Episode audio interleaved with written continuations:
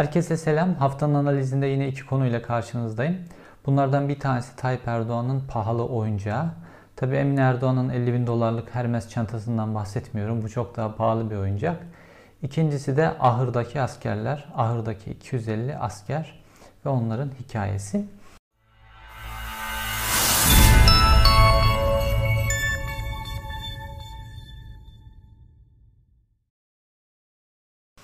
Ee, ilk konuyla başlayalım isterseniz. Tayyip Erdoğan Türkiye'nin bütün ittifaklarını ve savunma sistemini zorlayarak ve bütçesini de zorlayarak 2,5 e, milyar değerinde S-400 savunma sistemini aldı.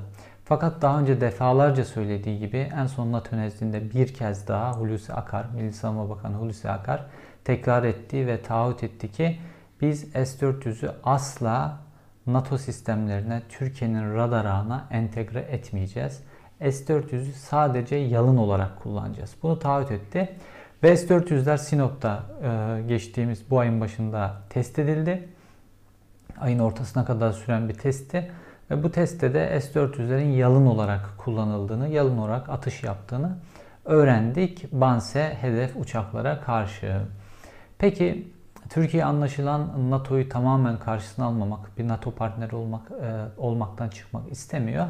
Ve dolayısıyla da S-400'leri NATO ağının, NATO'nun o Türkiye'de bulunan Link 16 dediğimiz radar ağı ki bunun içerisinde Türkiye'nin kendisine ait olan radarlar da var. Bunlar NATO ile entegre biçimde. Bu entegre etmeyecek. Şimdi entegre etmeyince işte S-400'ler Tayyip Erdoğan için pahalı bir oyuncağa dönüşüyor.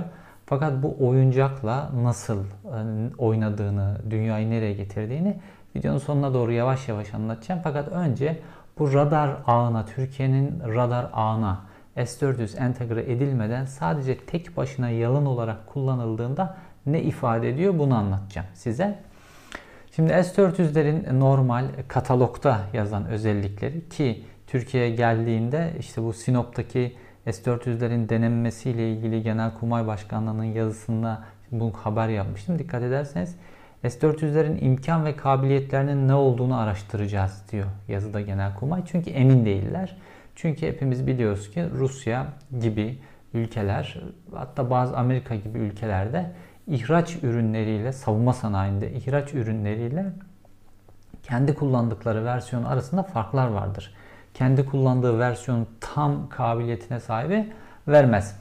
Sadece NATO çerçevesindeki silahlar ayrı çünkü NATO'nun standartları var. Bu VIDA'dan başlar işte en yüksek teknolojiye kadar NATO standartları işte numaralar A'lar B'ler numaralar vardır o aynıdır. Fakat kendi malı e, sistemlerde ihraç ettiğinizde bu ihraç versiyonu normal versiyondan farklıdır. Bu yüzden Genelkurmay imkan ve kabiliyetlerini test etti Sinop'ta. Şimdi NATO ağına bağlamadığınızda S-400 kendi üzerindeki radara mahkum oluyor. Ve kendi üzerindeki radarında katalog üzerindeki e, menzili 400 ee, kilometre, bazı kaynaklarda 600 kilometre deniyor. Fakat bu da üzerinde bulunan füzeye bağlı. İşte 25 kilometrelik, 75 kilometrelik, 125 kilometrelik, 250 kilometrelik üzerine e, konulan füzeler var. Bir de 400 kilometrelik bir füze var. Rusya bu 400 kilometrelik füzeyi yeni geliştirdi ve bunu Türkiye vermedi zaten. Şimdi bu füzelerin kabiliyetiyle de değişiyor bu menzil fakat radarın radara fokuslanıyoruz biz şu anda. Bu radarı Türkiye'nin e, işte her tarafında bulunan bir radar ağı var. Bu Link 16 ile birbirine bağlı. İşte Malatya Kürecik'te de en son gelen NATO'nun en teknolojik gelişmiş radarı var. Bunların hepsi bir araya geliyorlar. Türkiye'nin farklı yerlerindeki kıyı kesimlerinde, sınırlarında, yüksek yerlerindeki radarlar bir araya geliyorlar ve Türkiye'nin hava sahasında hiçbir kör nokta bırakmayacak bir hava resmi ortaya çıkarıyorlar. Bu Türkiye'nin hava resmi. Bu Türkiye'nin hava resmine aynı zamanda işte Almanya'dan tutun da e, işte başka NATO partnerlerinde bulunan ağlar da var. O ağlardan gelen veriler de katkıya da bulunuyor ve ortaya tertemiz bir hava resmi çıkıyor Türkiye'nin. Aynı zamanda Türkiye'deki radarlarda tabii ki e, NATO'nun diğer partnerlerine hizmet ediyorlar aynı şekilde. Fakat ortaya çıkan çok temiz bir hava resmi var ve hani Türkiye'yi tamamen koruyan bir hava resmi. Zaten mesela Rus uçağını Türkiye düşürdüğünde bu hava resminden istifade etti. Bir Rus uçağının Türkiye tehdit olabilecek güzergahtan yaklaştığını bu radara tespit etti. Ve bu radara F-16 devriye görevi gören F-16'larla bunu paylaştılar ve Rus uçağı düşürüldü. Şimdi bu temiz hava resminden S-400'ler istifade edemeyecek. Dolayısıyla kendi radarına mahkum kalacak. Şimdi S-400'ün radarı biliyorsunuz dünyanın yuvarlak oluşu nedeniyle radarlar 40 kilometrede bir sapmalar e, meydana gelir radarlarda. Ve sonraki devam radarıyla birbirlerini tamamlayarak o kör noktaları ve sapmaları yok ederler. Şimdi S-400 bir yere konuşlandırdınız. Ankara'ya konuşlandırdınız. İşte Türkiye'nin e, şu an en tehdit olduğu yer, e, aldığı yer neresi? Suriye mesela.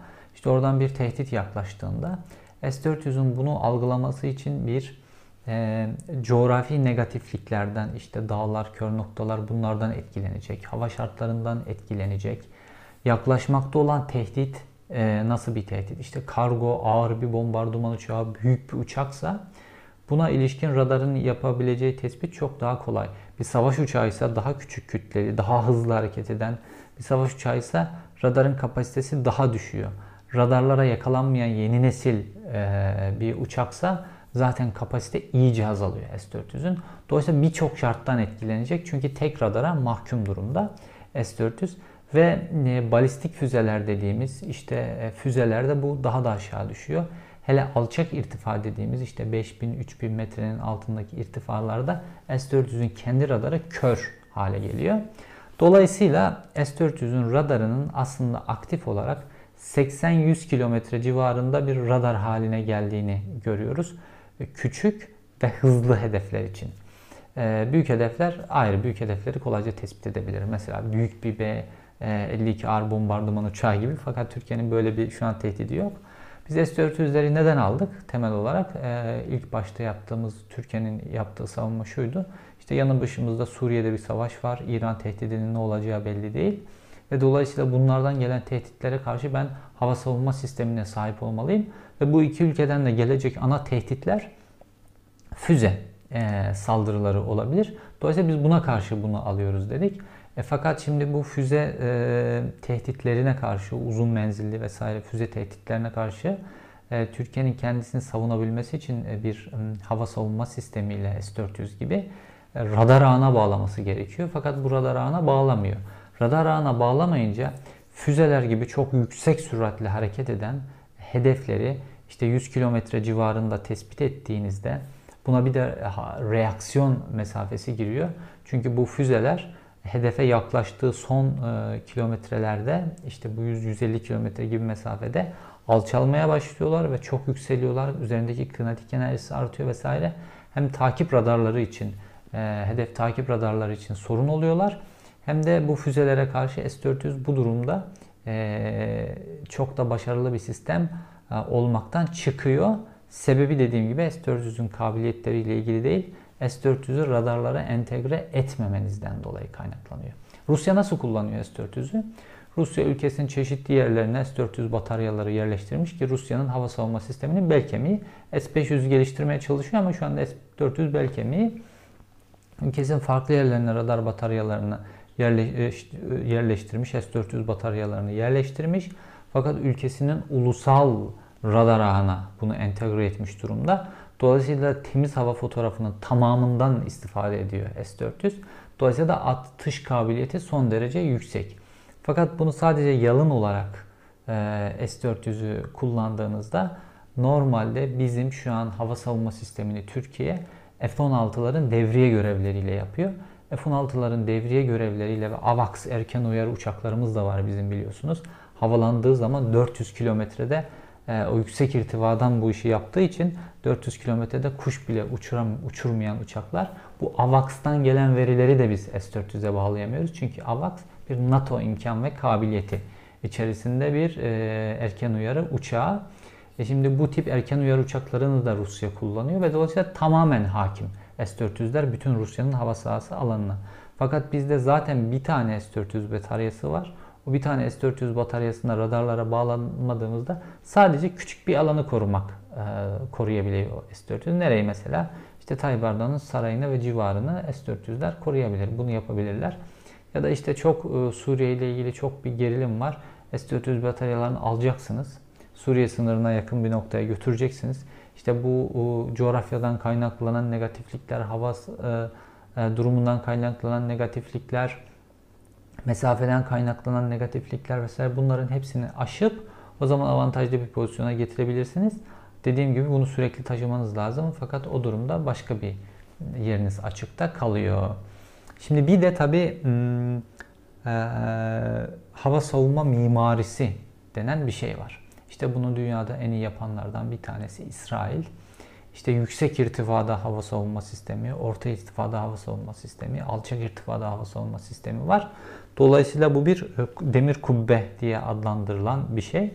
Ve e, Türkiye'de mesela S-400'leri konuşlandırdığınızda alçak irtifadan seyreden, 3000 metre, 5000 metreden seyreden e, hava araçlarını, e, S-400'ü hedef alacak hava araçlarını S-400'ün görme imkan kabiliyeti yok. Çünkü yüksek irtifalar için üretilmiş bir radarı var.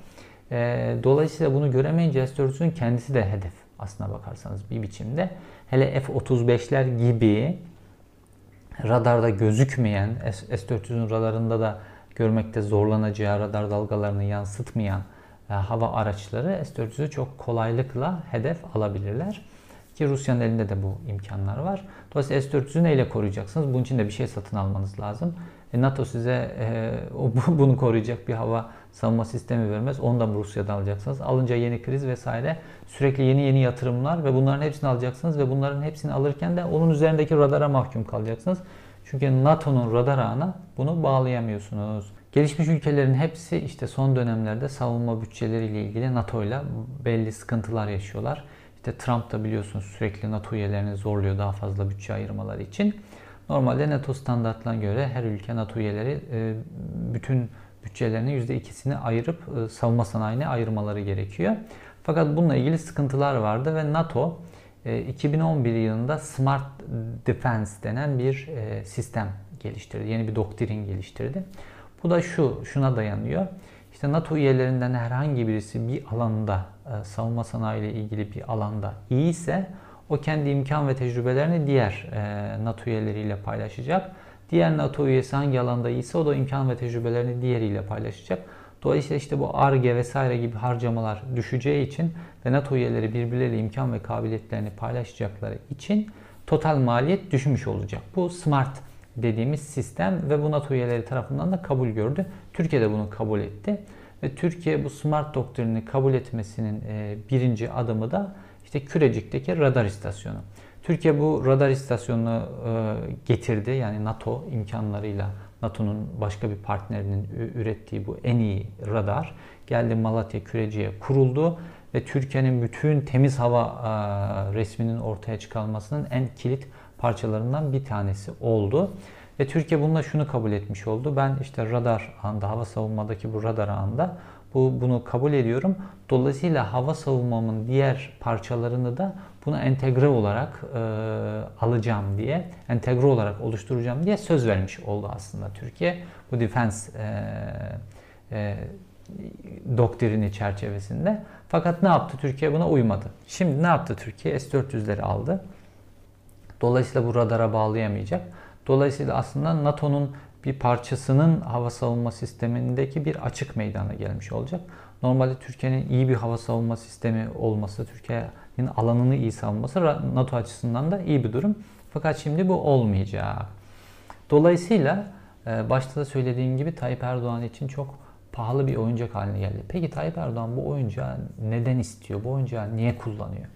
Tayyip Erdoğan'ın bu oyuncağı kullanması temel olarak Batı ile geliştirdiği ilişkilerle ilgili e, çok önemli bir alet olmasından kaynaklanıyor. Tayyip Erdoğan'ın Batı ile ilişkileri son dönemde Tayyip Erdoğan tek adam olmaya karar verdiği andan itibaren şöyle işliyor.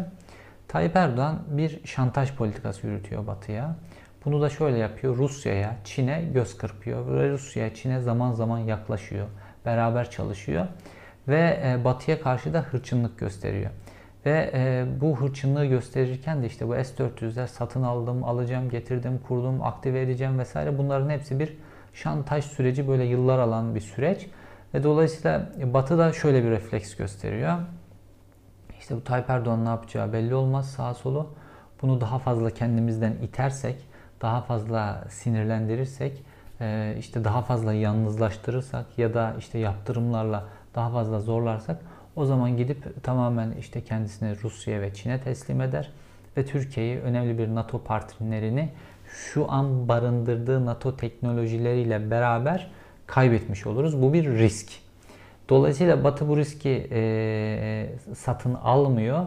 Dolayısıyla Tayyip Erdoğan'ın üzerine e, gerekli baskıyı kurmuyor. Böyle olunca Tayyip Erdoğan bütün o ülke içerisinde yaptığı e, antidemokratik uygulamalar, yargı bağımsızlığını yok etmesi, bağımsız medyayı yok etmesi, ekonomi yönetiminin bağımsızlığını yok etmesi, işte bütün muhaliflerini hapse tıkması, yüz binlerce insanı KHK ile işinden atması vesaire vesaire siyasi liderleri tutuklaması vesaire vesaire bunların hepsine Batı sessiz kalıyor. Neden? İşte Tayyip Erdoğan'ın bu politikası nedeniyle. Aman Tayyip Erdoğan'ı daha fazla itmeyelim. Rusya'nın ve e, Çin'in kucağına oturur diye. İşte Tayyip Erdoğan bu Batı ile geliştirdiği, Batı'nın Türkiye içerisinde yaptığı her şeye sessiz kalması için geliştirdiği strateji işte Avrupa Birliği'nin dahil strateji bu S-400'lerin üzerine aslında inşa edilmiş durumda. E, bu çok önemli bir göstergeydi çünkü Batı bu bir kart gibi böyle blöfü gördü çünkü orada. Çünkü Tayyip Erdoğan al, alamaz işte F-35'lerle tehdit edildi falan ama aldı. Aktive edemez etti. Şimdi bunun NATO ağına bağlar bağlamaz filan ya da işte tamamen yeni sistemler Rusya'dan almaya e, giderse vesaire diye bu şantajlar batıya doğru Tayyip Erdoğan'ın bu stratejisi, bu oyunu, oyuncağı kullanmaya devam ediyor. Ve batı da aslına bakarsanız bunu kabullenmiş durumda ve Tayyip Erdoğan'ı daha fazla Rusya ve Çin eksenine e, kaymasın diye, ülkeyi tamamen onların bir partneri haline getirmesin diye bu oyunu kabullenmiş durumda. Ve Tayyip Erdoğan'ın işte doğal ömrünü tamamlamasını partisiyle, yönetimiyle, iktidarıyla her diktatörün olduğu gibi tamamlamasını bekliyorlar.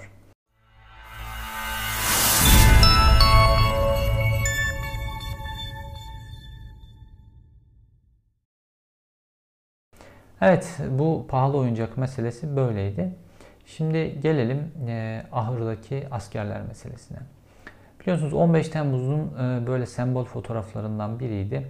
Elleri böyle işte arkalarından kelepçeli, çıplak e, askerler böyle bir at ahırında böyle diz çökmüş yere oturuyorlardı. Ve oradan at ahırının içerisinde o çıplak ve elleri ters kelepçeli askerlerin bir kare fotoğrafı yansıdı sosyal medyaya bir polis tarafından paylaşıldı orada görevli bir polis tarafından gururla. Ve Saadet Partili Ali Aktaş bu fotoğrafı paylaştı. Üstüne işte darbeci eşekleri e, ahıra doldurmuşlar, ahıra bağlamışlar gibi e, bir notla paylaştı ve sosyal medyada çok gündem oldu. İşte normal insan haklarına duyarlı kişiler bu insanlar suçlu olabilirler. Ama e, bu insanlara böyle işkence yapamazsınız böyle çıplak ahırda. Yani ahırda gözaltında tutmak nedir yani? Bunu polis kasten bilerek yapmıştı. Yani böyle o dönem askerleri ezme şey var, furyası vardı poliste. Bilerek hani o askerleri getirip ahıra kapattılar ve o ahırdaki fotoğrafı paylaştılar. Bu tabi Genelkurmay'da bir travma oluşturdu. Ondan sonra zaten şu an herhangi bir polis, bir trafik polisi bile gidip Genelkurmay Nizamiyesi'nde bir şey dese askerler bir e, korkuyorlar. Öyle bir psikoloji oluştu. Ee, bunun için yapıldı bu. O işkence fotoğrafları da bunun için yayınlandı. Fakat e, günler geçti, aylar geçti, yıllar geçti ve o askerler yargılanmaya devam ettiler. O oradaki o askerler, o 250 kişilik grup asker, e, jandarma okullar komutanlığındaki kursiyer teğmenler. Bunlar 15 Temmuz gecesi ne nizamiyeden dışarı çıktıklar, nizamiyeden dışarı çıkmadık hiçbir biçimde e, silahlıktan silahlarımızı almadık. Ondan sonra silaha dokunmadık, silah ateşlemedik. Darbe hiçbir biçimde karışmadık deseler de işte e, gözaltına alındılar, götürüldüler. O ahırda işkence yapıldı. O fotoğraflar teşhir edildi ve darbeci eşekler olarak siyasetçiler tarafından nitelendiler ve kamuoyunun nezdinde linç edildiler. Fakat yıllar geçti işte dördüncü yılını da aştık. Ve bu jandarma okullar komutanlığındaki kursiyeler, teğmenlerin o işte o ahır fotoğrafında gördüğünüz o 250 küsür kursiyer teğmenin tamamı darbe suçlamasından beraat ettiler. O gece hiçbir biçimde darbe girişimine katılmamışlar, elleri silaha değmemiş, nizamiyeden dışarı çıkmamışlar ve darbe girişimiyle ilgili herhangi bir fiili bir e, hareket yapmamışlardı. Fakat ne oldu? o çocuklar, o kursiyer teğmenler e, orada o işkenceyi gördüler. Ki bunlardan bir tanesi Mutlu Gülerce ben onunla röportaj yapmıştım. Bu karardan çok önce, bir sene kadar önce. Orada neler yaşadığını bana anlatmıştı, ne yaşadıklarını. Ee, işte orada 36 saat tutuluyorlar. Bu 36 saat boyunca kesinlikle yemek verilmiyor kendilerine. Su da böyle işte bir hortum getiriliyor, böyle hayvan sular gibi. Ondan sonra böyle hortumu açıyor böyle, hepsinin böyle hortuma koşuşan hayvanlar gibi davranmalarını istiyorlar ki böyle aşağılamak için. İşte içebilsinler hepsi biraz biraz biraz ondan sonra böyle suluyor bunları ondan sonra çekiyor hortumu filan istediği zaman kafasına göre. İşte tuvaleti o bulundukları ortama yaptırtılıyor. Ee, dayak atılanlar, işte dayaktan bayılanlar, işte bazılarının içlerinden seçilip o atların o tek tek tutulduğu bölümler vardır ya özel oraya götürüp ayrıca işkence yapılması gibi böyle e, orada bir cehennemi yaşatıyorlar bu çocuklara. Sonra da aynı şekilde yine çıplak olarak bunları Sincan cezaevine gönderiyorlar.